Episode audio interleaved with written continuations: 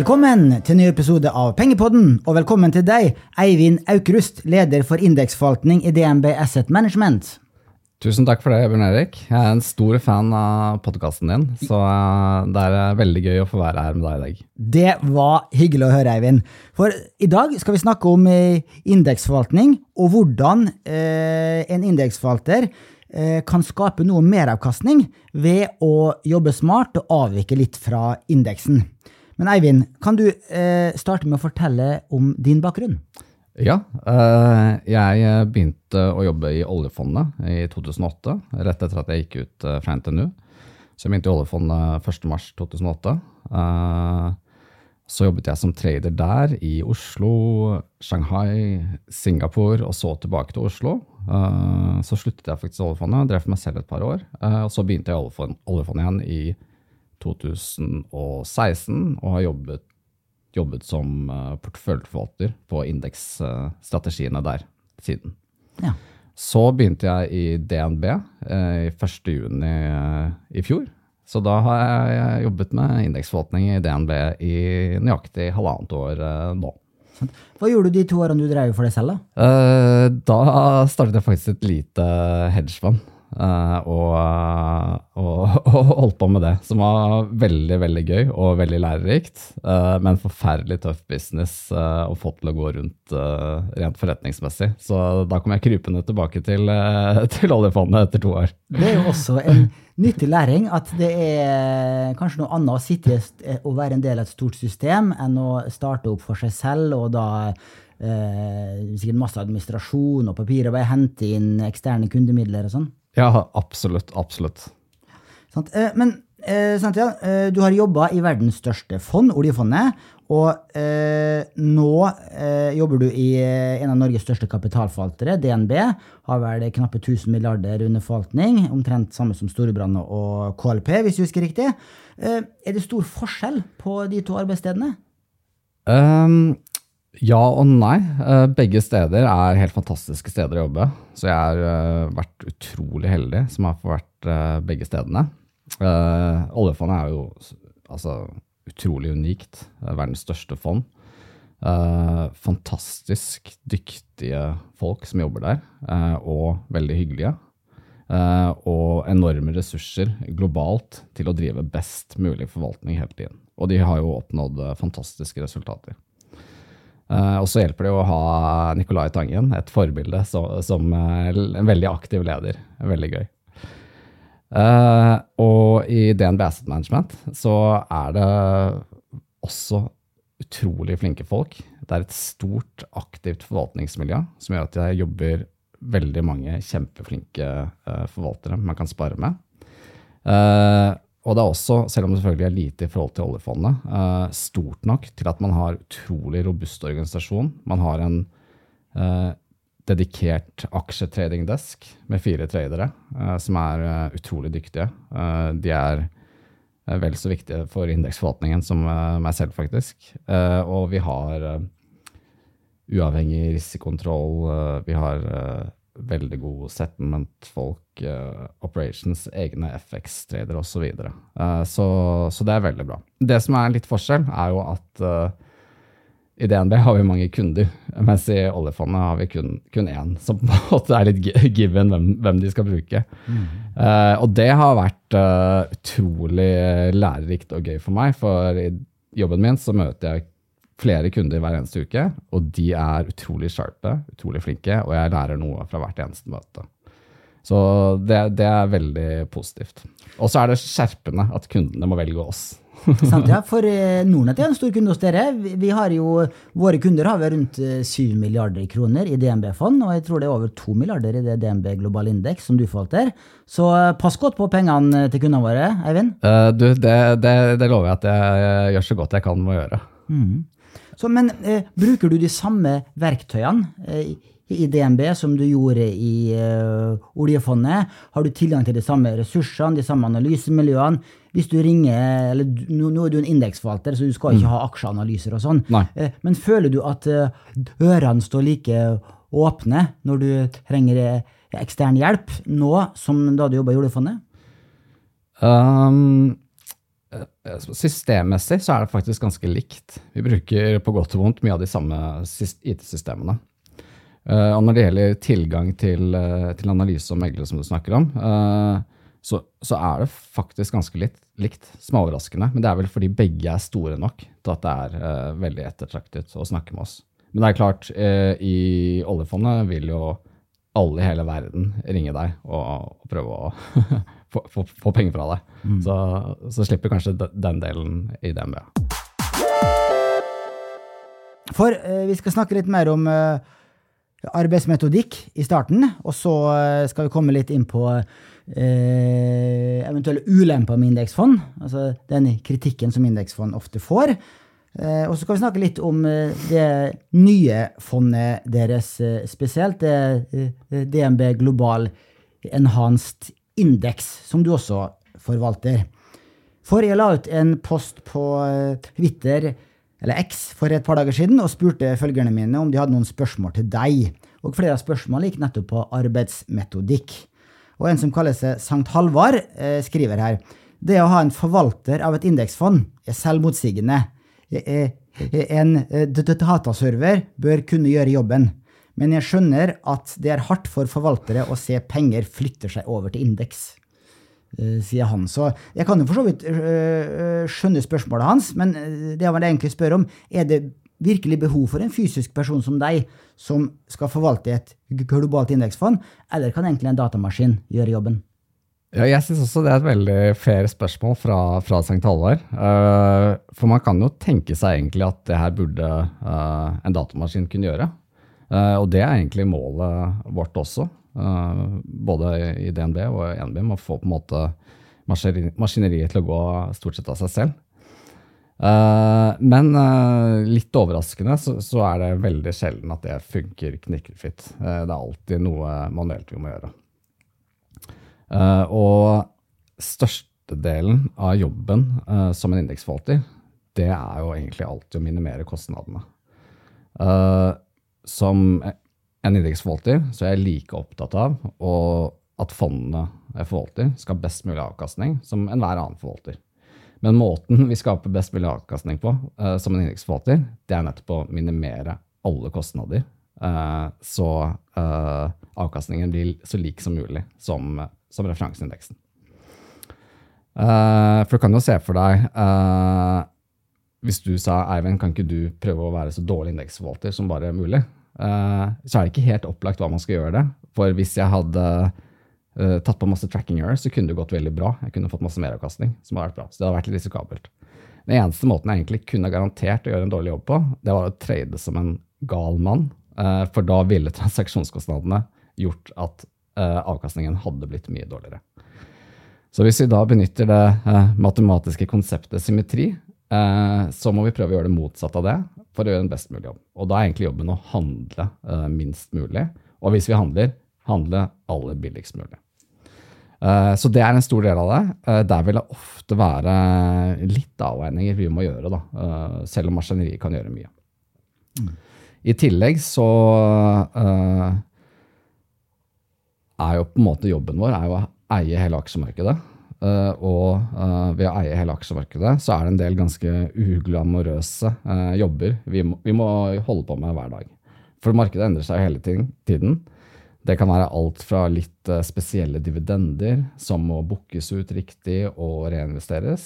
Eh, det kan være selskaper som eh, splitter og spleiser og bytter børs de handles på, kanskje bytter sektor osv. Og, og oppkjøp av selskaper og delistinger og sånne ting. Som vi har sett mye av i Norge f.eks. nå, med Adevinta, Kahoot og, og og Så, så, så du sa du utdanna på NTNU, sivilingeniør. Ja. uh, omtrent alle indeksforvaltere jeg snakker med, er sivilingeniører og ikke siviløkonomer. Det er ikke tilfeldig, at dere jobber mye med dataprogrammering. Ja, det har vist seg, det, altså. At uh, den uh, Det å på en måte beherske datakaos og kunne programmere ganske bra, er veldig verdifulle kunnskaper. Så jeg har jo fått en uh, ny kollega på laget som heter uh, Erling. Uh, han er også sivilingeniør fra NTNU og fantastisk dyktig. Ja, så dere er, dere er, to personer som utgjør indeksforvaltningsteamet i DNB og forvalter over 100 milliarder kroner i indeksfond. Ja, det stemmer. Vi forvalter 122 milliarder nå, spredt på 13 fond. Uh, og vi er faktisk kun to personer, da, uh, meg og Erling, som på en måte har det her som fulltidsjobb. Uh, hvor det eneste vi tenker på fra vi står opp til legger oss, er hvordan skal vi få best mulig avkastning for Nordnett-kunden og andre kunder i, mm. fondene. Men så har vi utrolig mye støtte fra resten av DNB-apparatet. Jeg nevnte jo trading, som er utrolig viktig. Og så har vi en egen gruppe som lager systemer og risikokontroll. Uh, og sparing med alle de veldig dyktige, aktive forvalterne vi har. Mm. For et vanlig spørsmål er jo må en indeksforvalter eie alle aksjene i, i indeksen? Ja. F.eks. DNB Global Indeks følger jo MSA World Index, eh, som da referanseindeks. Og eh, jeg sjekka nå, ved siste månedsskifte så utgjorde den indeksen 1511 selskaper i da 23 developed markets, 23 utviklings, eh, utviklede land. Eh, og eier DNB Global Index alle de 1511 selskapene? Uh, nei, det gjør vi ikke. Uh, men det er fordi vi har uh, eh, ESG ekskludert uh, ca. 50 aksjer i MSR World. Og det er de som er ekskludert stort sett av, av Etikkrådet og, og oljefondet også. Men hvis vi justerer for de, så eier vi alle aksjene i den justerte benchmarken i DNB globalindekset. Ja, Men for jeg har hørt noen small cap-fond, de eier ikke eh, alle aksjene, for det blir for kostbart ja. å eie alle. Og, og da kan du eh, spare transaksjonskostnader ved å ikke eie hele indeksen. Men det er ikke nødvendig da, for et stort fond som følger da MSA World, f.eks. Uh, eh, nei. Uh, det er også noe med på en måte hvor lenge fondet har eksistert. At DNB Globalindeks er et gammelt fond uh, som har hatt, hatt tid til å, å, kjøpe seg opp i alt. Uh, men absolutt, hvis vi hadde startet et uh, small cap-fond uh, nå, så hadde vi brukt ganske lang tid på, på, å komme oss i mål. Men det er ikke noe mål for oss å ikke eie alle aksjene. målet vårt er bare å skape best mulig avkastning og alltid minimere kostnader. og så ender porteføljen opp som den ender opp, på en måte. For to-tre måneder siden så starta dere i DNB opp et nytt indeksfond, som du også forvalter. Eh, Eh, DNB Global Enhanced Index. Eh, hva er det fondet, og hva er bakgrunnen for at dere starter opp dette fondet nå? Uh, ja, vi er jo veldig uh, entusiastiske for dette nye fondet. Uh, og bakgrunnen er, som vi nevnte, så forvalter vi 122 milliarder cirka, i indeksfond. Og global indeks er det desidert mest populære fondet vi har. Uh, og det største, det er vel på 74 milliarder. Og DNB Global Index det er bare et helt, uh, helt fantastisk produkt. Uh, og det som er gøy med det, er at stort sett alle i Norge investerer i det. Du har småsparere. Du har de aller rikeste familiene i Norge. Og du har de aller skarpeste pensjonskassene. Alle investerer i det, og alle betaler faktisk omtrent det samme. 5-10 basispunkter. Så et utrolig utrolig morsomt eh, produkt å forvalte. Og så er det noen som tenker at selv om det er et kjempebra produkt, så vil de ha noen justeringer på det. Og F.eks. kan en slik innvending være ESG-hensyn. at global indeks ikke har nok ESG-eksklusjoner og tar bærekraftsrisiko seriøst nok. Og Derfor har vi laget DNB klimaindeks, som gir også en global indekseksponering men med en veldig bærekraftig tilnærming. Og så er det jo et uh, argument at det er mye kronekurseffekter i DNB globalindeks. Uh, og det er det jo. Absolutt. Uh, og derfor har vi det valutasikrede versjonen av det fondet, for å ta høyde for det. Og så er det det siste, ettersom indeksforvaltning bare har vokst og vokst og blitt mer og mer populært og en større andel av markedet, så er det noen som tenker indeksfond det er kjempebra, men blir avkastningen helt optimal når man må være såpass eh, rigid og gjøre det samme som alle andre gjør hele tiden? Eh, kan vi ikke få indeksfond eh, bare med litt mer fleksibilitet til å kanskje velge litt annerledes rundt valg som indeksforvaltere må ta uansett, for å skape meravkastning? Og det er akkurat det vi har gjort. Så det er da startet med to, to family offices, som er utrolig dyktige investorer. Men de liker indeks veldig godt. Men de tenker at det er ikke så farlig om de har litt tracking rundt akkurat hva MSCI World gjør. Så det er bakgrunnen. Nettopp.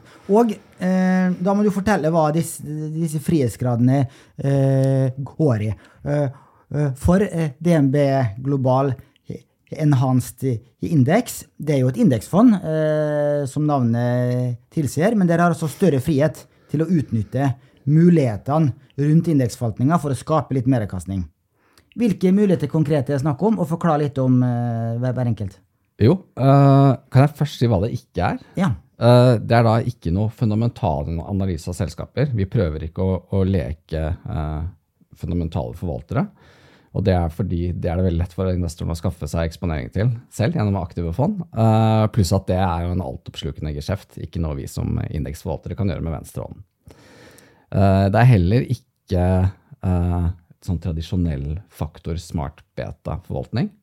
Og grunnen til det er at det også er ganske lett for investor å skaffe seg eksponering til selv. Og eh, det hører egentlig ikke så naturlig sammen med indeksforvaltning. Eh, og, og, ganske sånn varierende avkastning, dette med value osv. Så, videre. så det det da er, det er eh, strategier som knytter seg eh, til litt sånn guftende valg vi som indeksforvaltere vet vi må ta veldig ofte. Uh, og så snur vi litt på det og tenker hva kan vi gjøre her for å maksimere avkastning fremfor å minimere trackinger mot referanseindeksen? Og øh, kanskje den viktigste strategien her det knytter seg til hvordan man rebalanserer porteføljene. Så eh, MSCI for eksempel, de rebalanserer jo uh, hele porteføljen fire ganger i året. mens OCBX og OCFX og sånn, de, de gjør det to ganger i året. Uh, og det vi har sett, det er at det å rebalansere uh, akkurat når benchmarken gjør det, det er ikke noe galt. Men det er mulig å gjøre det litt bedre. Og spesifikt er det penger å tjene på å ligge veldig langt forut, og kanskje noen ganger veldig langt bak. Uh, da er vi aksjer som indeksfond skal kjøpe gå fra null til en holding. Uh, og kanskje ikke er de som skal gå fra holding til null. Og Drømmescenarioet her er jo hvis vi finner aksjer som skal inn i flere forskjellige referanseindekser etter hverandre. Uh, dette her er jo et utrolig konkurranseutsatt område. Uh, det er jo satt opp en hel industri av hedgefond som bare skal tjene penger på indeksfond. Uh, så, så, dette er ikke noe, noe, lett å tjene på. Og i, i, Norge er det jo blitt en folkesport å gjette hvilke aksjer som skal inn i OCBX-en. eh, men allikevel ser vi at det er plass til oss, fordi vi kan være så langsiktige. For hvis du er et, er et hedgefond som uh, har som eneste virke å drive med det her, så må du gire. For det rå avkastningspotensialet i strategien, det er ganske lavt.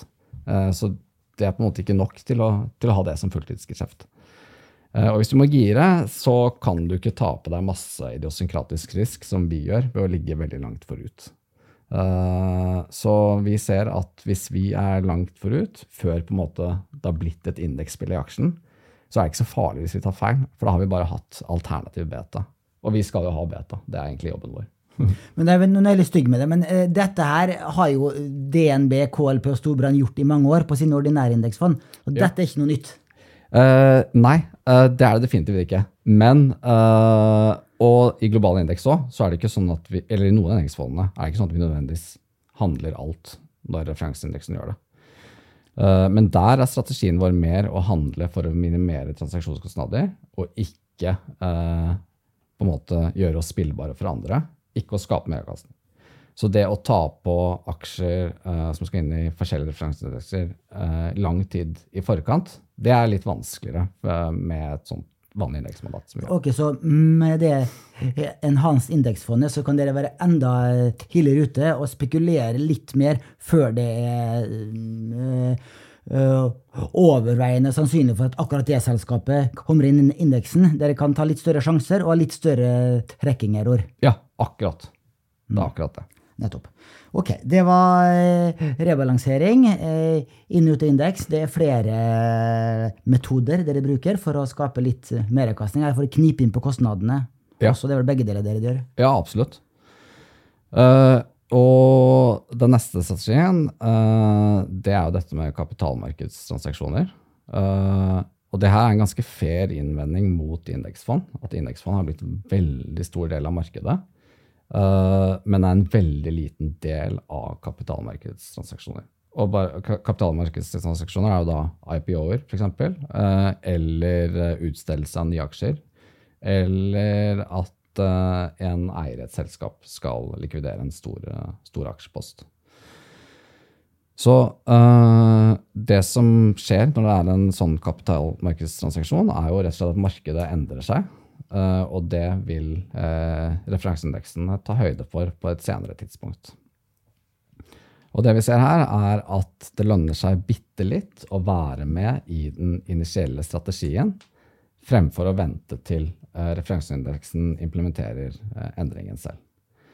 Eh, og det her kan man for så vidt gjøre med vanlig indeksfond også, men det vil ofte være ganske uklart når eh, og om transaksjonen eh, blir reflektert i, i forskjellige referanseindekser. Eh, så igjen trenger vi et mandat med større fleksibilitet for å klare å kapitalisere maks på det.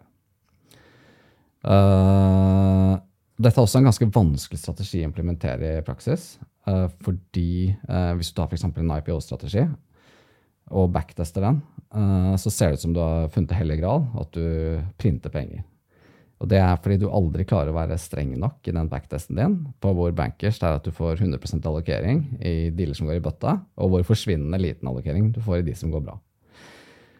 Uh, men vi ser at siden vi er såpass store og, og har et godt uh, forvaltningsmiljø som er med hele tiden, så klarer vi å ikke eliminere allokeringsproblemet, men å utvinne det nok til at vi tjener penger på det. Eh, så det er, det er også en veldig viktig strategi, og den hører jo sammen nettopp med disse indeksstrategiene. Det går litt hånd i hånd der. Mm. Og så der kan jeg ta litt større veddemål da, i dette enhanced indeks enn i det ordinære indeksfondet. Ja, det er akkurat det. Så i det ordinære så kan vi jo for så vidt være med da, men da skal det være ganske given hva som skjer. Eh, og da er det ikke sikkert man får så god allokering hvis du bare er med akkurat de få gangene hvor det, hvor det teller. Er det flere spaker du kan dra i? Uh, ja, vi har jo flere spaker også. Uh, så igjen så vil vi gjøre det samme som vanlig indeks, men med mye større fleksibilitet. Og det kan f.eks. Uh, gjelde selskapshendelser. Uh, når det er eh, oppkjøp og sammenslåinger av selskap. Eh, så er det ofte noe opsjonalitet i de valgene man har. Og den opsjonaliteten den har jo noe verdi. Eh, og av og til så kan man klare da å, å tjene penger på det, og spesielt hvis man har litt større fleksibilitet i mandatet, til å kanskje sitte med noen midlertidige papirer i noen måneder. eh, og, og, og switche inn og ut av, av selskaper som blir kjøpt opp, eller kjøper opp andre. Og securities lending er vel også en sånn eh, metode å skape litt meravkastning på? Ja, et veldig godt poeng. Det gjør vi på alle fond, eh, så mye vi, mye vi klarer. Uh, og det er en veldig god inntektskilde for uh, DNB Norge-indeks. Jeg tror faktisk det er oppunder ti basispunkter man får i meravkastning der. Uh, så egentlig gratis forvaltning. Eh, men for eh, eh, de globale fondene, der er det peanuts, altså. Så der tror jeg vi ligger på ett basispunkt i år. For, Det er interessant, for Forrige uke så hadde jo Kjetil Haug i Folketrygdfondet, Ja. og han snakka vel om rundt fire basispunkter, altså 0,04% i året, kjente de på å låne ut eh, sine aksjer. da, De aksjer som uh, investorer ville låne. ja, Eh, og uh, oljefondet har vel omtrent det samme, fire-fem basispunkter ja, eh, på aksjeporteføljen sin. ja. Mm, Men dere klarer å låne ut mindre av deres globale aksjeportefølje enn oljefondet, da, tydeligvis. Eh, Nja, uh, vi har jo MCI World, og de MCI World-aksjene, de er det mange som har. og de er det mange som vil låne ut. Så vi låner ut veldig lite. Liten etterspørsel. Eh, ja, det, eller et, det er, jeg tror det er tilbudssiden som er problemet. Alle kan låne ut disse aksjene. Så der låner vi ut jeg tror det er i snitt så låner vi ut kanskje 8 av porteføljen. Men MBM har jo mye uh, høyere inntjening. Eh, men de låner ut i emerging markets, type Brasil, Taiwan og sånn, eh, som rett og slett eh, er ganske vanskelig operasjonelt å, å låne ut i. Spesielt med våre fond som har daglig likviditet og sånn. Så det skiller oss nok mye, det. Og hvorfor Folketrygdfondet har lavere enn oss i Norge, det vet jeg ikke. Men kan, de er jo så store. Det kan jo være litt sånn at de aksjene de har, per def blir litt billigere. Uh, nettopp fordi de eier 10 av friflyten i, mm. i snitt. Sant. Eh, en annen spak jeg har notert med her, det er eh, hvis et selskap er notert på to markedsplasser, ja. så kan dere utnytte feilprisen og gjøre litt eh, arbitrasjehandel? Er det noe dere driver med? Uh, ja, absolutt. Det gjør vi. Uh, og det er ikke så mye å hente på, men det er litt. Uh, og i MSCI World så er det f.eks. 20 selskaper, det er ganske mye, som har minst én aksjeklasse eller flere listinger. Eh, så det er egentlig ganske mye å leke med, eh, hvor, da, hvor Google, eller Alphabet som det nå heter, er den desidert største. Så på alle sånn topp eh, holdings i globale fond så ser du jo Apple, Microsoft, og så kommer det opp to, to i Alphabet. Og da kan, kan dere handle mellom A- og B-aksjen? Ja, ikke sant. Uh, og der, uh, hvorfor uh, skulle vi ha noe, noe, på en måte edge der? Det kan jo du og jeg sette oss ned i garasjen og handle disse spreddene selv. Men der tenker vi at vi har to små ting som kanskje vipper strategien fra å være bitte litt negativ sharp til bitte litt positiv. Og det er for det første at vi egentlig handler gratis fordi vi vil typisk implementere disse posisjonene i forbindelse med at vi uansett skulle kjøpe eller selge noe i selskapet. Så vi velger bare å kjøpe og, eller selge den dyreste eller billigste linjen. Uh, og så låner vi opp uh, aksjene gratis da, fra, fra benchmarken, så vi har ikke noe, uh, noe sec lending fees. Mm. Altså, bitte små detaljer gjør at man kan få marginalt positiv avkastning. Og hvis vi får bitte litt positiv avkastning, så vil jo det akkumulere. Skeptical investor på Twitter han spør er det mye å hente på aktiv indeksering i large cap-markedet. Støtter ikke forskningen at det er mer å hente i small cap-segmentet? Og DNB har jo ikke noe globalt small cap-indeksfond fra før. Det er veldig, veldig godt poeng. Eh, generelt så er det jo Alt er vel mindre effektivt i, i small cap. Så jeg vil si det samme, samme gjelder her. Uh, så, så, det er jeg helt enig i. Nå har vi rom i, til å spille noe av det her, da, uh, i og med at vi kan jo eie ting som ikke er referanseindeksen. Så vi kan være med i en IPO som vi tror blir kanskje tatt med i opptil flere small cap benchmarker på et senere tidspunkt. Uh, så er problemet med small cap da, at det er small cap, og verdiene er ganske små. Hvis du skal ha ei hele verden, så er det jo en veldig liten del som er small cap. Uh, men det hadde vært veldig kult å starte et small cap indeksfond i, i, DNB. Så jeg skal ta med meg denne tilbakemeldingen i, i neste produktråd. Eh, jeg tror vel at HLP eh, har vel et globalt uh, small cap-fond, indeksfond. Ja. ja. Mm. Så, um, og eh, dette fondet her koster da 0,11 prosentpoeng dyrere, eller mer enn DNB global indeks. Så på Nordnett-plattformen så koster jo DNB global indeks 0,29, for det, da er det uh, basispunkter i netto forvaltningsavgift. Mm. Og så er det plattformavgift på 0,19. Mm. Uh, og uh, dette DNB Global Enhanced Index koster da 0,4. Så 0,11 punkter i differanse. Ja. Du må jo ha forventning om å tjene minst det da, de neste årene. Ja, hvis, hvis, ikke hadde det vært en veldig, veldig dårlig deal. Det er jeg helt enig i. Uh, så vi opplagt. Vi tar oss litt, uh, litt bedre betalt. Vi har en del uh, utgifter på det her. Det er mye mer operasjonell drift av et enhanced-fond enn et vanlig fond. Og det er, det er for så vidt ikke noe unikt at det er litt forskjellige priser på indeksfond. Uh, F.eks. tar vi to basspunkter ekstra for valutasikring osv. Og så her tar vi enda litt mer. Men uh, målet mitt er at vi skal ha 50 basspunkter i, i meravkastning etter kost. I året? Ja. Oi, det var mye. Ja, veldig mye. Fordi at jeg har kikka i eh, årsrapporten til de gamle arbeidsgiver, til Ja. eh, oljefondet, eh, og eh, der eh, Der fant du bilde av meg. Ikke den ISO, men det, gjorde, det var, kan, det var si at jeg bare søkte etter, eh, etter aktiv indeksering. Eller de kaller det vel uh, for posisjonering. Når de har disse avkastningoversiktene sine, hvor de deler opp meravkastninger. Det har vel 0,25, 0,26 eh, basispunkter i årlig meravkastning de ti siste årene på aksjeporteføljen si, har oljefondet. Og der står det at, at uh, posisjonering, altså denne aktive indekseringsstrategiene, det har gitt sju basispunkter i meravkastning uh, på deres aksjeportefølje. Og så sier du nå at du skal skape sju ganger så høy meravkastning, altså 50 basispunkter.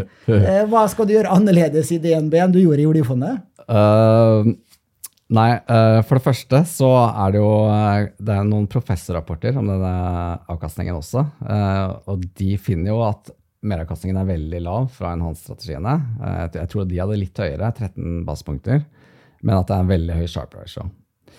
Men uh, oljefondet har vel levert fem basepunkter meravkastning i snitt, Ja. tror jeg. Uh, og det er jo egentlig veldig lite, men det er også ufattelig mye i, i kroner og øre. Eh, så det, det blir ikke fair å sammenligne med de, for der er så mye av kapitalen låst i Microsoft, Apple, Nestlé osv. Du kan ikke gjøre noe med det. Hvis du tar, tar et litt lignende eksempel, Folketrygdfondet, som har mye mindre forvaltning, eh, så har de en årlig meravkastning på 100 basispunkter På Oslo Børs. på Oslo Børs. ja. Så det her skalerer jo eh, med, med størrelse. Og vi er jo mye mindre enn de igjen. Så det å skape tracking error, det er ikke noe problem for oss. Var, og jeg hørte forresten på den podkasten um, om Folketrygdfondet. og Den var veldig bra. Uh, og de resultatene er jo helt uh, utrolig å tenke på. For jeg er 10 av uh, friflyten på Oslo Børs. og så har du en meravkastning på 1% i året. Så det vil si at alle andre investorer taper da 10 basepunkter bare du toucher en aksje på Oslo Børs. Til. Sant, ja. det, det er rart, for jeg har sett noen rapporter på det der. Vi skal ikke bruke lang tid på det. Men eh, jeg klarer ikke helt å finne eh, hvem som er den store taperen her. For retail-kundene de taper litt, men i de rapportene jeg har sett, så taper de 0,3-0,4 i året. Så de taper ikke eh, den hele prosenten da, som Folketrygdfondet har tjent. Nei. Og, og eh, eh, har også sett rapporter på at norske aksjefond på Oslo Børs det er også meravkastning. Så hvor er den som taper eh, de store pengene? Eh, før så ville jeg sagt at det var norske livselskaper. Fordi at de solgte jo hver gang aksjemarkedet tryna, så måtte jo livselskapene med garanterte pensjoner eh, selge hele porteføljen for at de skulle innfri avkastningsgarantien. Men nå er ikke de garantiporteføljene så store lenger, at det er ingen som har ytelsesordninger. Riktig, det er mange som har fripoliser, men eh, det er ikke en stå og spille lenger, da. Nei. Det er interessant. Så det der, her, her er det mm, en eh, litt uoppklart problemstilling som vi må nøste videre i. Ja. Men ja, um, ok, så du legger hodet ditt på blokka nå når du sier at du har en målsetting om eh, 50 eh, basispunkter i meravkastning i forhold til DNB Global Index eh, før kostnader, altså så ca. 0,4 da, etter den ekstrakostnaden. ja, ja, definitivt. For så langt, etter to og en halv måned, så ligger du prikk oppå DNB eh, Global Index, hvis jeg så riktig på Morningstar. Ja. Så vi har eh, ikke, ikke hatt noe sånn stormende suksess med meravkastningen foreløpig. Nei? Eh, eh, det har vært, som har vært veldig oppløftende, det er at vi har vært med på da 15 kapitalmarkedstransaksjoner og ser at her får vi god avkastning og gode allokeringer. Og det var nesten det viktigste å finne ut av. Eh, og så har vi tapt litt på disse indeksposisjonene våre. Der er vi posisjonert for måte ting som skal inn og ut uh, neste år. Neste år. Eh, Og Der har vi fått uh, svi litt med det junk rallyet som har vært osv. Men uh, jeg satser absolutt på at det skal komme tilbake. Sant? Og eh, litt eh, mer om den eh, securities lending, altså det at dere låner ut aksjer. Ja. Eh, det er jo en del investorer kritiske til, Mm. eh, fordi at eh, det- skaper salgspress i markedet. Eh, er det en eh, eh, et legitimt eh, argument, eller er det helt åpenbart, sånn som da Kjetil Hegg i Folketrygdfondet hevda, at det er eh, eh, ganske åpenbart at fordelene med shorting er større enn ulempene. Er du enig i det? Uh, altså, jeg jeg syns det er veldig forståelig at det er frustrerende uh, hvis du er long en aksje, og så ser du masse shortere, presser prisen ned. Eh, men når det er sagt, eh, og jeg har vært der selv Når det er sagt, så er jeg 100% enig eh, med Kjetil at det er ubetinget positivt for markedet at vi låner ut aksjene. For det blir et mer effektivt marked. Og så får våre fondsinvestorer bedre avkastning, som er viktigst for oss. Og så må vi passe oss litt, selvfølgelig. Det må gjøres ordentlig. Um, vi vil f.eks. ikke at uh, noen skal låne aksjene våre rett før en generalforsamling, bare for at vi ikke skal kunne stemme som vi vil. Uh, så, så, så sånne ting må vi passe godt på. og Vi, vi skal selvfølgelig ikke låne ut noen skatteposisjoner og, og sånne ting. Uh, og så må vi jo bli kompensert nok for arbeidet og den lille risikoen som er der. Og det blir vi til en stor grad ikke. Det er derfor vi låner ut så lite i, i globalindeks. Men hvis alt ligger til rette for det, så er det kjempepositivt for oss, og, og også kjempepositivt for markedet. Og de som er, eh, føler at shorterne tar en aksje ned som de eier, får heller tenke at det er jo egentlig positivt at noen har shortet aksjen deres, for det betyr at de må kjøpe det tilbake. Sant? Det er et godt poeng. Eh, vi har tid til et spørsmål fra en annen Twitter-følger, som heter Smedasundet. Eh, eh, eh, kan forvalteren gi innsikt i hvordan kjøps- og salgsordre utføres av norske forvaltere? Er det du som sitter og kjøper og selger aksjer selv? Du sa jo at dere hadde fire eh, reidere. så jeg antar at det er hovedsakelig de som utfører kjøp og salg? Ja, det er det. Så det som skjer når vi får innflyt eller utflyt, er at vi eh, som forvaltere genererer ordre. Eh, hvor vi da på en måte Vi har alltid noen avvik som vi kan benytte anledningen til å, til å ta av. Uh, og så er det traderne som sitter og, og handler det for oss. Eh, han spør også eh, hva tenker du om oppgjørstidene til tradisjonelle fond i forhold til børsnoterte fond, eller såkalte ETF-er? Og har du meningen om hvorfor det er så få ETF-er på Oslo Børs, til tross for at Euronext, eh, Norge sin sjef, var i medie, Finansavisen i fjor, var det vel, og uttalte at han ønska flere, og trodde vel at det skulle komme flere ETF-er i, i norske kroner på Oslo Børs. Mm. Lite har skjedd siden han sa det. Ja, uh, hvis vi tar det her med oppgjørstid først, uh, så er jo den egentlig veldig grei. Uh, hvis du sender ordren før klokken tolv, så får du kurs samme dag, eh, og så får du da pengene eh, T pluss 1. Da må vi hoste opp eh, pengene til deg. Eh, så den er vel kanskje til og med bedre enn ITFs, som har T pluss 2 eh, settlement. Eh, og når det gjelder eh, ETFs generelt, så er det jo veldig lite marked for det i, i Norge. Og, og veldig stort marked for det i USA. Og I USA så har det noen skattemessige fordeler for investorene å holde ETFs fremfor mutual funds. Så det forklarer jo hvorfor det er blitt så utrolig populært der. Uh, mens vi ser ikke den samme effekten i Norge. Uh, men at Euronext-sjefen vil ha flere ETF-er, det skjønner jeg godt. For det blir mer en business for de. Ja, for da får de kurtasje. Ja, absolutt. absolutt. Så det er given. Uh, og det samme med meglere vil jo selvfølgelig ha mest mulig ETF-business. Veldig forståelig. Eh, kundene uh, virker ikke så veldig gira. Og vi er her jo for kundene, uh, så ja, da har det ikke blitt noe mer ITFs fra oss. Vi har jo en ITF i Norge, OBX-en, og den er jo fin.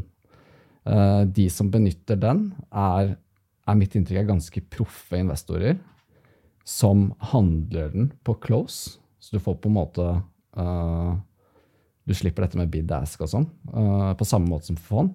Men så har de denne intradag-opsjonaliteten til at hvis et eller annet skjer, så kan du komme deg ut når som helst midt på dagen. Mm. Eh, interessant det du sier der. For vi, vi, også, jeg har jobba i Nordnett i seks år nå, og hele tiden så har andelen eh,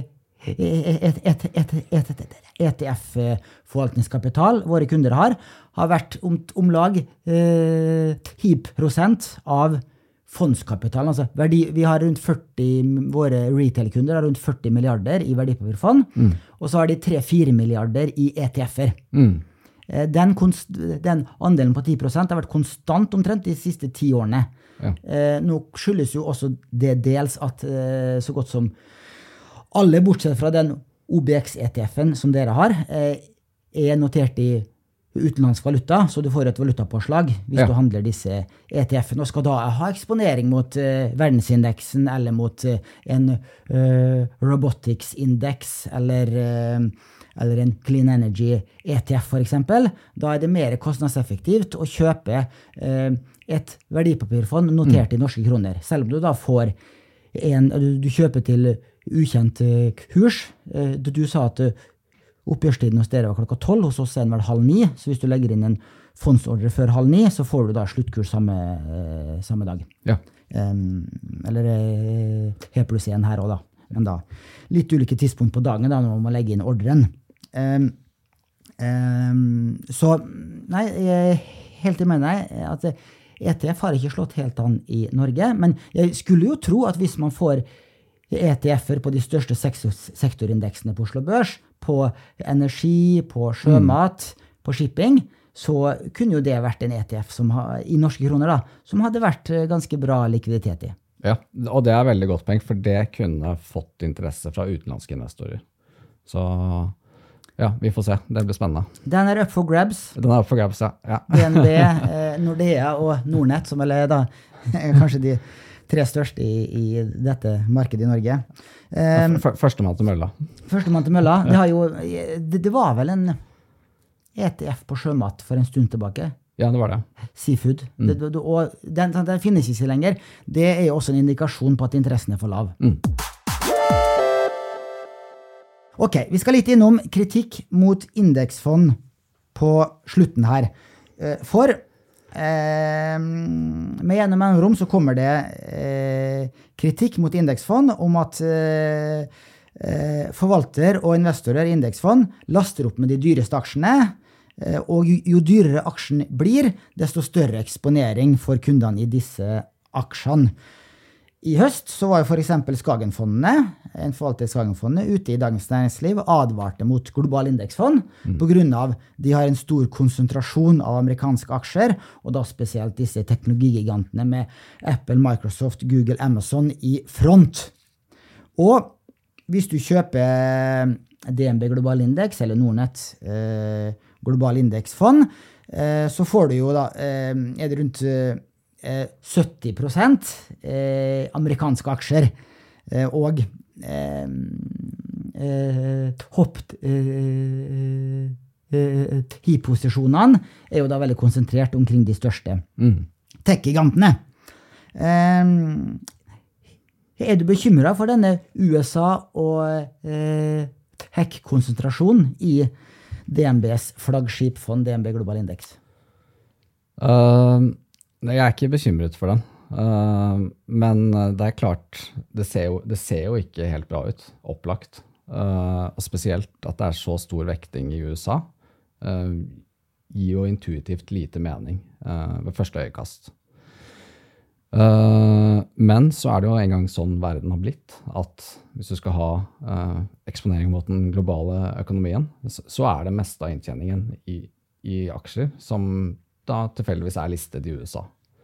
Uh, så sånn er det bare.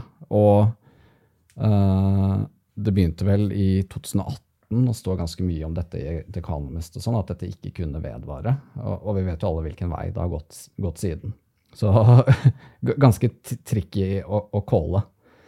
Uh, men det jeg er veldig relaxed på, det er at det ikke er fordi det er mye indeksfond at disse uh, selskapene har blitt så store. Eh, det tror jeg er mer pga. litt sånn spesiell makrosituasjon osv. Og, så og, og ikke at det er indeksfondene som dytter de opp. For selv om eh, hvis jeg nå får eh, en milliard kroner av deg og skal kjøpe eh, MCI World, så skal jeg jo kjøpe mest de amerikanske tech-aksjene.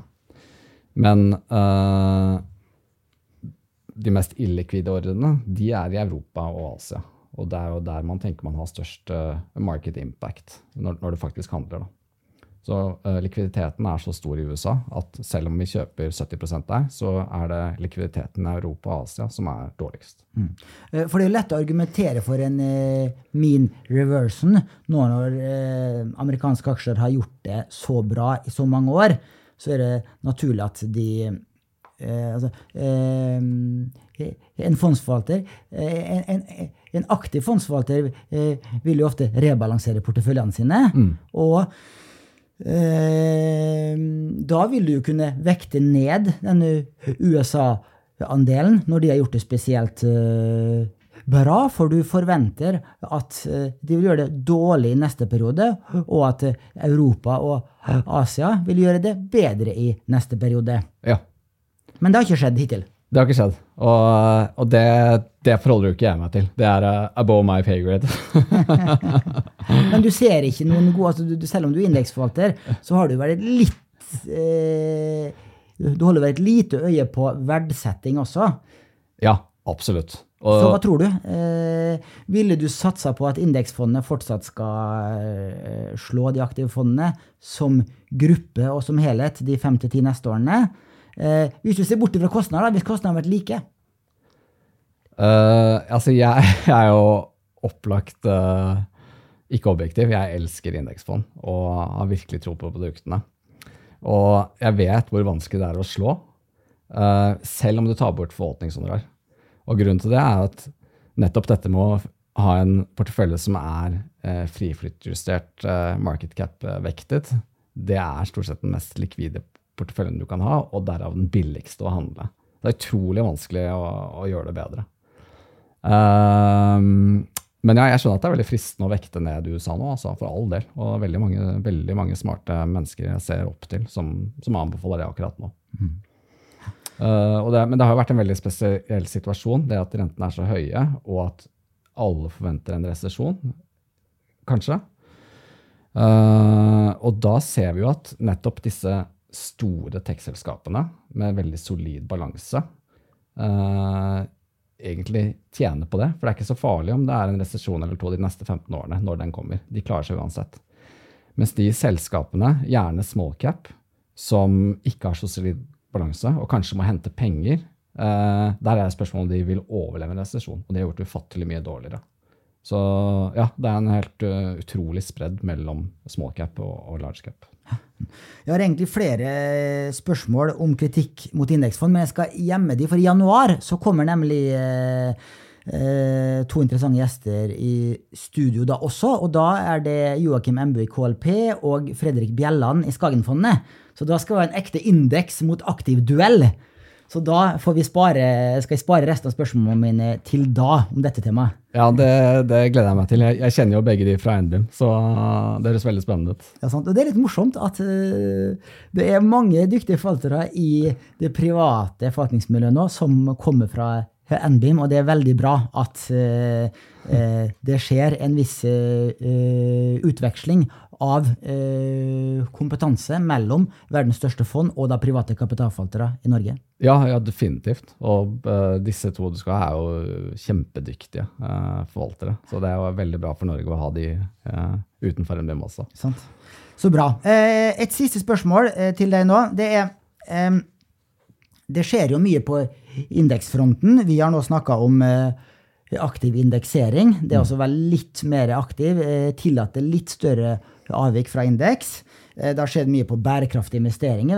Vi har fått masse ESG-indekser. Mm. Vårt Nordnett eh, global indeks følger jo en ESG-variant av verdensindeksen, eh, f.eks. Vi har hatt stor vekst i ETF-markedet, som stort sett er indeksforvaltning, spesielt i USA. Hva blir neste eh, steg i indeksfondenes evolusjon? Ja, det er vanskelig å spå om fremtiden der. Det har jo skjedd så mye, som du sier. Uh, så vi har jo selvfølgelig det mest spennende som skjer, er jo dette Enhanced-fondet vi lanserte nå. Men uh, utover det så er det jo, hvis vi tar dette med ESG f.eks., så har du på den ene siden så blir jo det slått litt ned på USA nå. av, ja, Der er det så mye rart som skjer, men man blir jo beskyldt for å være woke osv. hvis du har ESG-eksklusjoner. Uh, mens i Europa så er det jo EU-taksonomien eh, implementeres jo med full styrke. Så ja, hvor, hvilken retning det tar, det, det blir veldig spennende å, å se. Dette med EU-taksonomien, det kan plutselig ha ganske mye å si. for nå får du på en måte en revisor godkjent score på hvordan uh, selskapet ditt uh, aligner med EU-taksonomien i årsrapporten. Uh, og da blir det på en måte et tall man kanskje kan bruke til noe litt mer enn det man kan med de rankingene som er i dag. Og kanskje til og med at det blir tatt med uh, som en vektingfaktor i, i flere benchmarker. Uh, hvem vet? Um, Neste steg da, okay, det, det, er jo da en enda videreutvikling av det med ESG uh, arbeidet. Men er det ja. noe uh, nytt du ser som, eh, som, du tenker vil bli neste store om, fem, ja, om noen års tid? Uh, dette med konsentrasjon, som du var inne på, det er noe veldig mange er opptatt av. så vi ser vel litt på, på en måte, de største institusjonelle kundene. At de, de ønsker å lage en egen benchmark som kanskje er cappet ned USA litt i forhold. Uh, og det er litt tricky å implementere i et fond, uh, fordi alle vil ha forskjellige cappinger på regioner. så da kan man jo kanskje se en trend til at det blir mer sånn mandatimplementering, uh, Eller sånn direct indexing, som ja. Robin Wigglesworth kaller det. Sant, ja. Godt poeng. Og så eh, finnes det jo slike likevekta indekser. Du har eh, SMP Equal Weight, f.eks., der du mm. har da eh, de 500 selskapene eh, som SMP røftlig består av. Da har du da 0,2 eh, da, i hvert selskap. Mm. Det finnes jo i dag. Ja.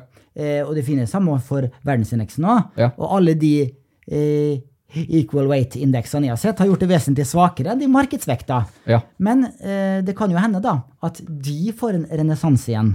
Fordi at disse eh, største og mest verdifulle selskapene har da fått så høy verdi nå. Eh, og at man da vil ha mer equal weights-indeks i fremtida. Ja, kanskje. Uh, men det er ganske mye høyere transaksjonskostnader med en equal weight. For du må jo da om du setter en equal weighting kvartalsvis eller halvårlig eller månedlig, uh, så blir det jo, må du på en måte uh, justere deg mye mer da, enn når du har denne friflyttjusterte market cap-benchmarken, hvor, hvor, du egentlig ikke trenger å handle noe, med mindre det kommer nye selskaper inn og ut. Og hvis det kommer inn mye nye penger i disse equal weight-fondene, så vil jo i hvert fall de presse opp kursen til de minst verdifulle, for da blir det jo kjempekjøpspress i de. Ja, absolutt. Da, da tror jeg vi må skynde oss med det small cap-fondet vi snakket om tidligere.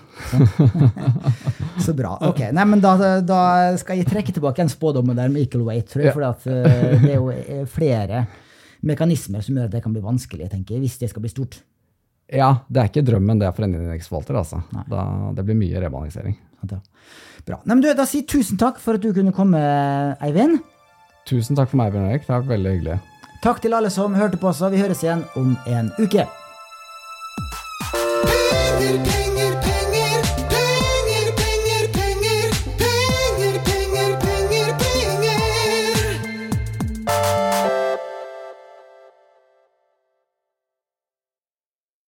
Denne podkasten skal anses som markedsføringsmateriell, og innholdet må ikke oppfattes som en investeringsanbefaling.